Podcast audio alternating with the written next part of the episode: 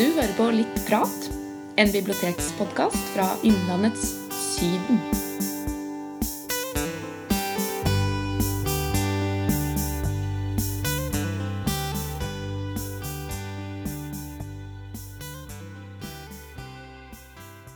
Da kan jeg ønske dere velkommen til en ny episode av podkasten Litt prat fra Kongsvinger bibliotek. Jeg heter Roger Gressberg, og i dag så har jeg med meg en ny stemme på podden. Du kan jo få lov å introdusere deg selv, og kanskje fortelle kjapt om hva vi skal snakke om i dag. Takk, det kan jeg. Jeg heter Karen Gjermundrød, og gleder meg til å spille inn denne podden med deg, Roger. Um, I kjølvannet av den siste klimarapporten fra FN, så har vi nå hatt en valgkamp som også i høy grad har vært prega av klodens helse, hvis vi kan si det sånn. Og det er eh, ubehagelig for oss voksne. Og ikke minst så er det jo mange nyheter som, eh, som uroer barn og ungdom.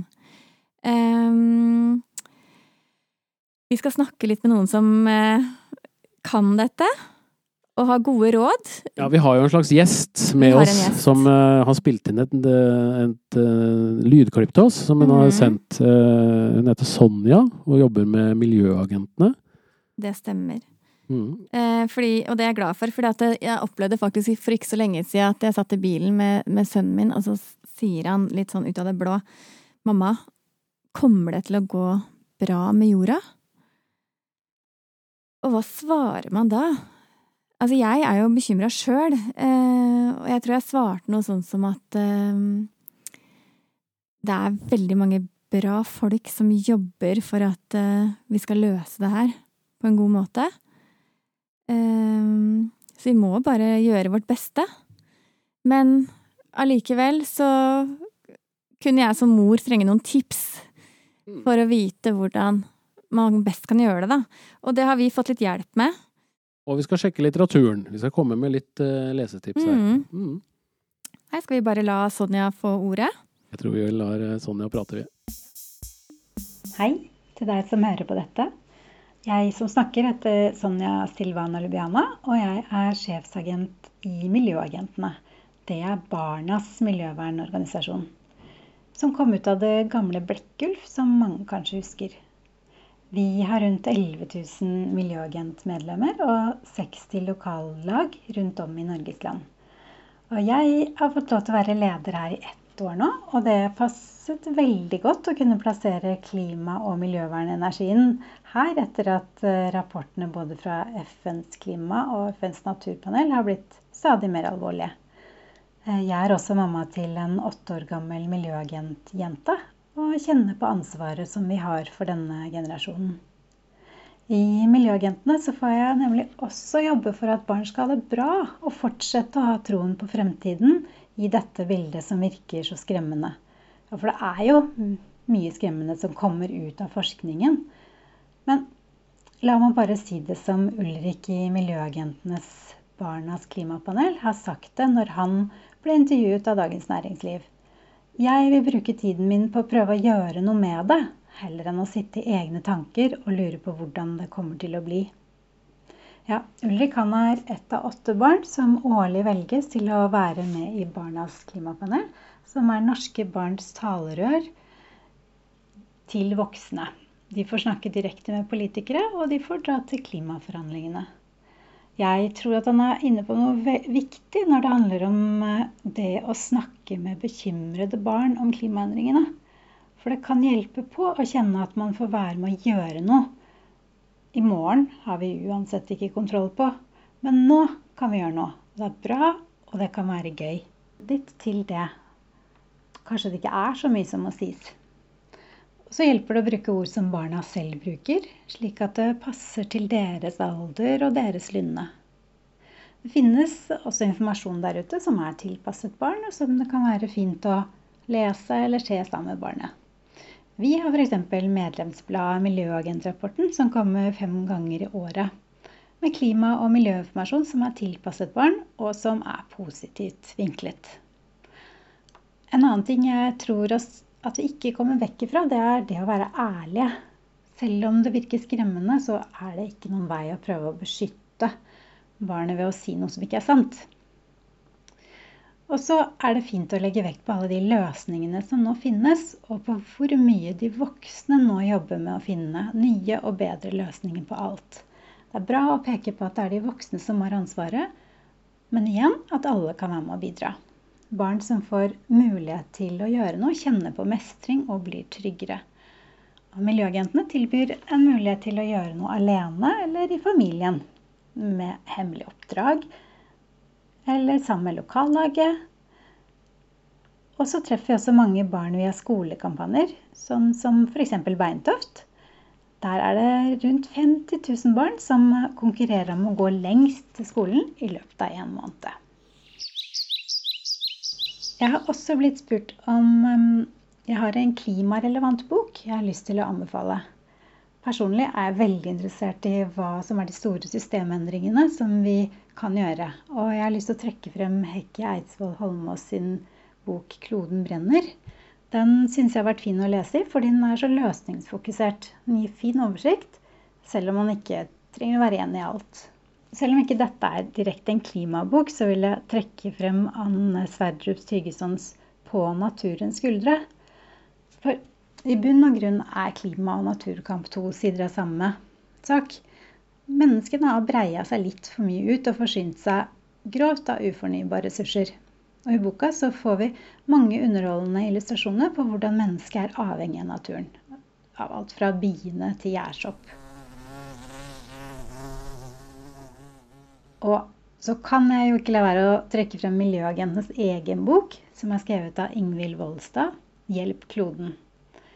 Det er en supernyttig guide til alle barn som bryr seg om klima og lurer på hva de kan gjøre for å hjelpe kloden. Rens lufta, ta vare på havet, bruk mindre, ha det gøy ute.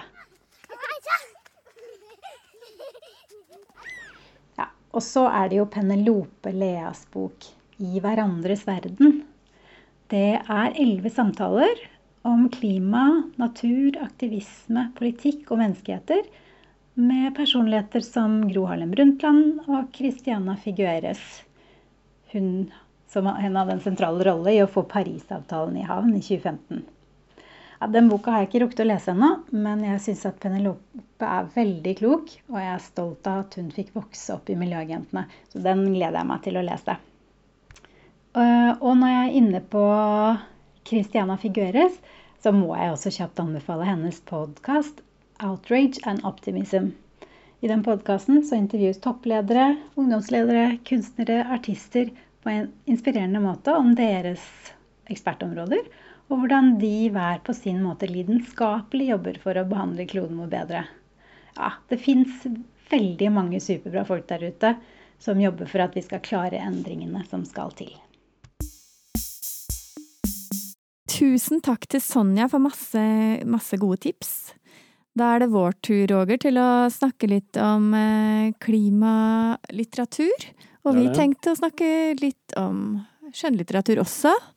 Eh, noe fag.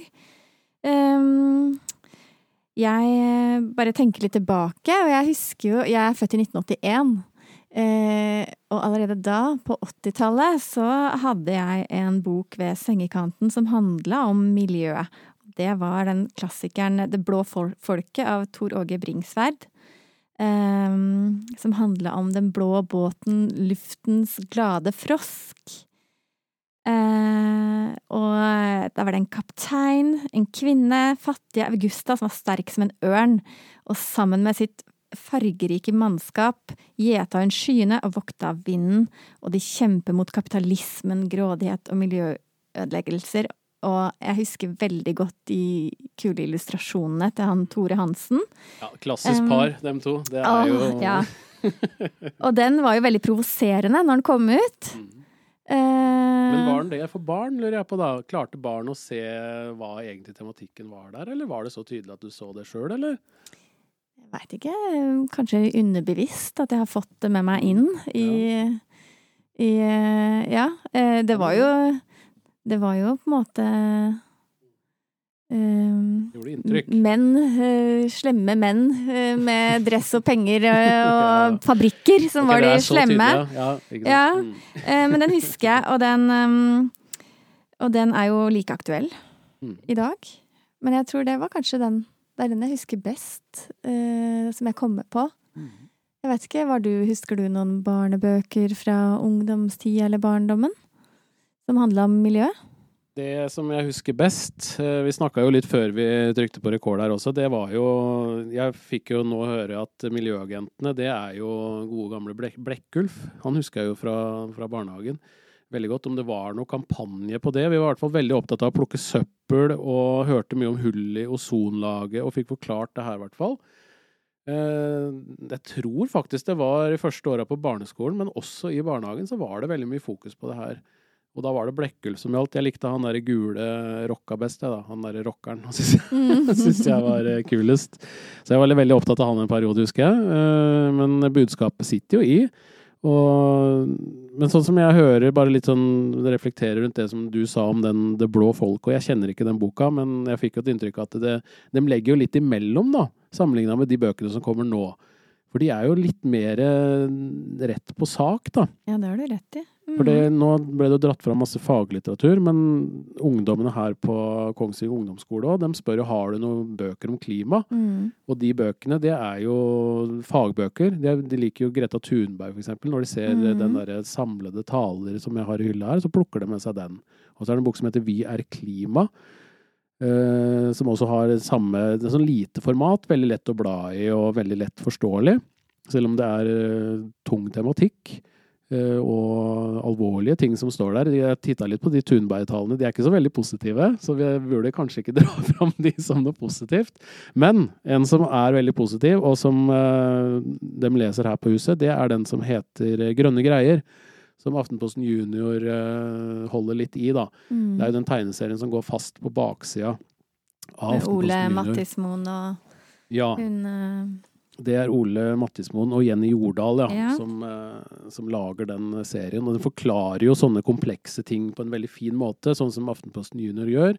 Forståelig språk og, og bilder, da, ikke minst. Og dette er jo Selv om du kanskje ikke er den beste til å lese, så klarer de faktisk å formidle ting bare med bilder òg. Mm. Og det er så forståelig. Så de låner disse klimabøkene ikke bare til å skrive oppgaver, men fordi de vil lese dem?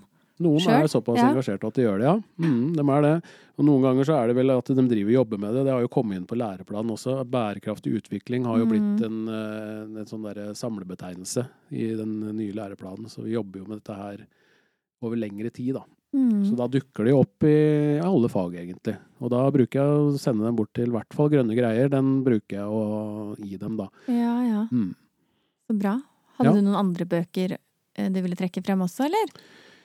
Uh, ja, vi har jo også en som uh, heter 'Før øya synker' av Teresa Er det Grøtan det står?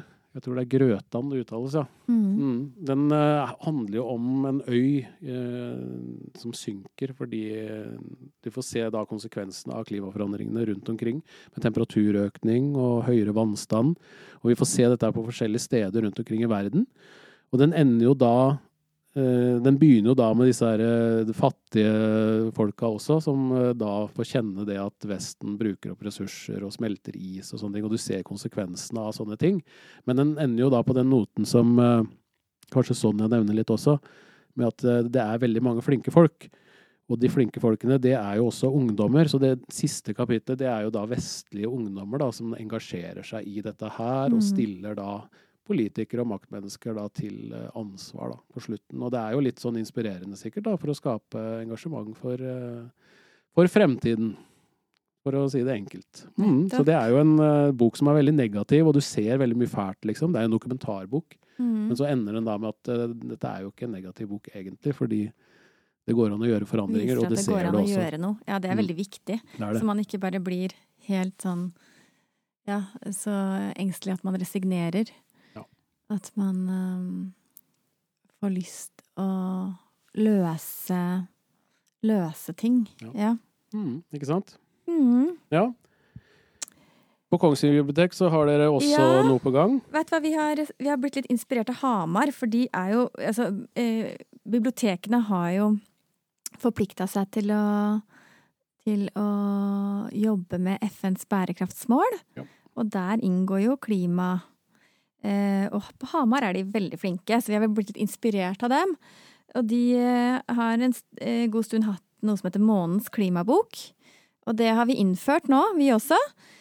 Så jeg tenkte jeg skulle fortelle litt om den, den som er eh, septemberboka. Og det er en eh, Altså, det kommer til å være bøker i ulike sjangre, det her. Altså både for voksne, faglitteratur og barn. Og denne måneden så er det en barnebok. Uh, og den syns jeg var veldig morsom, fordi jeg satt på biblioteket med dattera mi, var det i sommer eller på forsommeren, hvor uh, jeg ville sjekke ut hva de hadde av uh, av klimabøker for barn, skjønnlitteratur for de minste. Og da var dette her en av de vi fikk med oss hjem. Og det var favoritten vår, da, av de vi tok med oss. Og det er boka som heter Arkimedes og vindmølla av Hans Sande. Det er jo en serie, det her. Han har gitt ut flere bøker om Arkimedes med ulike illustratører. Eh, men akkurat denne her, det er den siste. Um, jeg må sjekke når den kom ut. Uh, den handler om vindmøller, eller? 2020, ja. Ja, den heter jo Arkimedes og vindmølle'. Ja. Og så er det en veldig kul illustratør som heter Skinkeape. Som bare har helt ja, veldig gøyale eh, illustrasjoner også.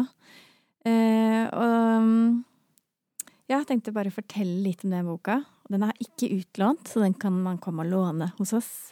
Eh, og den eh, handler om katten Arkimedes og ei kul jente som heter Evreka, og en veldig klumsete far som er oppfinner, og han ligger eh, stort sett i badekar for å tenke ut ideer som kan eh, redde naturen. Um, og på vei hjem fra jobben så skal de sykle innom noe som heter Kumlefjellet. For det har gått veldig innpå faren til Evreka at uh, der er det nå nesten bare asfalt og betong, og fugler og insekter kolliderer i vindmøller og dør, og noen må gjøre noe. Og han tenker da ut den geniale ideen om å lage en vindmølle som henger i løse lufta over dyrelivet, eh, og samler inn energi. Og eh, etter hvert så blir det en strabasiøs tur, og det skjer masse Altså, det skjer, altså den er så morsom, altså at du bare ler rett ut. Eh, det skjer eh, absurde ting. Um, og samtidig så er den jo også litt sånn jeg er veldig opptatt av det her klimaoptimistiske aspektet, for jeg kan bli veldig sånn bekymra sjøl. Men den også gir liksom håp, og, og, og hvordan eh, man kan bli inspirert til å liksom tenke ut gode løsninger, da. For det er jo en veldig god løsning, selv om det ikke i dette tilfellet går akkurat som planlagt. Så er bare boka veldig kul, altså. Veldig morsom. Så den er månedens klimabok. Og dette er en bild, billedbok, ikke sant? Ja, det er masse Er det kule Ja, det ser ut som en billedbok, Den, uh... så den egner seg da for, uh, for de minste òg, kanskje? Den, Ja, det? og jeg leste den til og med for tiåringen, for at den er så kul. Ja, Og kule illustrasjoner. Så den uh, jeg syns jo den var kjempemorsom. ja. Det er en billedbok for alle aldre, Alle. egentlig. Nesten. Ja, Ja. det vil jeg si. Skal vi høre en eh, avslutte med en liten respons på den boka òg, eller? Ja, Jeg syns du hadde vi. med et lite Jeg tok lydklipp med Jeg et, med et lite lydklipp, for jeg, det var en veldig entusiastisk uh, uh, jente på seks år, Nelly, som har lest denne boka her, og, og ja, vil gjerne fortelle litt om hva hun tenk, tenker rundt det.